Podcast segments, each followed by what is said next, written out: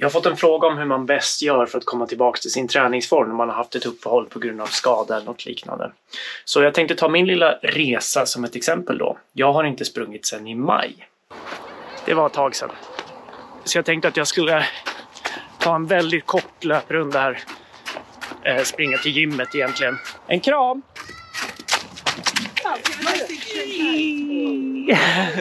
Vi ses sen Tuva. Och prata lite om vad man kan göra egentligen för att det ska gå så bra som möjligt när man försöker komma tillbaks.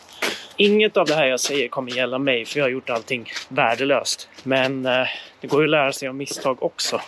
Om jag vurpar här på vägen så kommer ni få ta del av det. Så det är kul. När man har varit borta ett tag så kommer man stöta på ett antal problem. Ett av de största av dem är ju att man inte har någon motivation att komma tillbaks. Så det trista problemet, eller trista sanningen är väl att man kommer inte tillbaks. I många fall. Utan det blir så att man slutar helt eller ja, halkar ur det helt enkelt för att ens liv har blivit helt annorlunda beroende på hur lång tid man har varit borta då.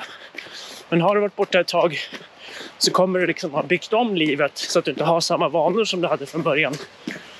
Och då blir det problematiskt. Så det första man behöver göra är väl egentligen att även om det bryter din träningsvana eller just din träningsform att du faktiskt fortsätter att träna någonting överhuvudtaget, vad det nu är för någonting. För att du liksom inte ska tappa den där strukturen i ditt liv. Så är det liksom så att du brukade springa tre gånger i veckan så får du försöka hitta på någonting annat som är träningsrelaterat de tre gångerna i veckan. För att du ändå ska bibehålla rutinen. Liksom. Så det kan ju vara att du tar dig till gymmet de tre gångerna i veckan och kanske bara testar lite på löpbandet och gör saker som ändå håller dig motiverad. Och på så vis håller du din struktur. Sen är det också så här att du bör egentligen rent förebyggande innan du blir skadad eller får det här uppehållet ha andra aktiviteter som du gör. Så att du inte har en aktivitet som hela tiden är ditt huvudfokus och som är det enda som du tycker om att göra. För när du sen då ska köra rehab, då kommer du inte göra det. E4.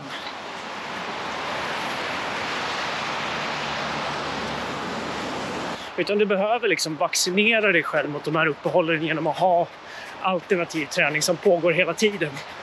För ska det bli så att de enda gångerna du kliver in på gymmet är när du är skadad, kommer du hata det. Kommer inte ha någon vana för att göra det, kommer inte veta vad du ska göra och du kommer liksom behöva lära dig massa nya saker som du kanske inte riktigt har lust med. Så det blir ju tyvärr ofta så att om, du, om det enda du tycker om att göra är att cykla så blir det jävligt trist sen när du ska ställa dig och göra knäböj.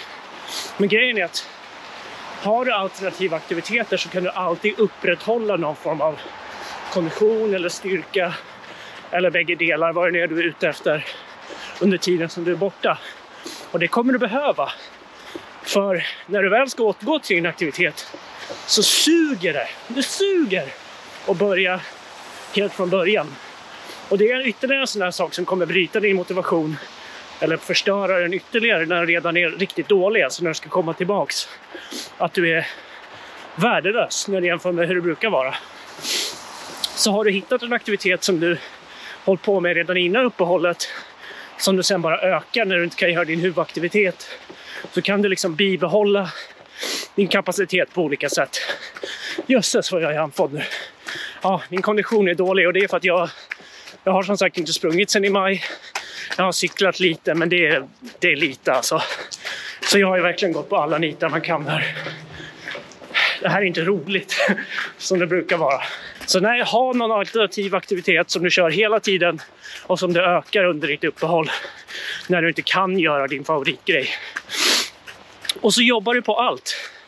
För det är ju så att när du kommer tillbaks från någon handledsskada som cyklist och så börjar du köra fullt ut när det är läkt så kanske du kommer åka på en annan skada i knät.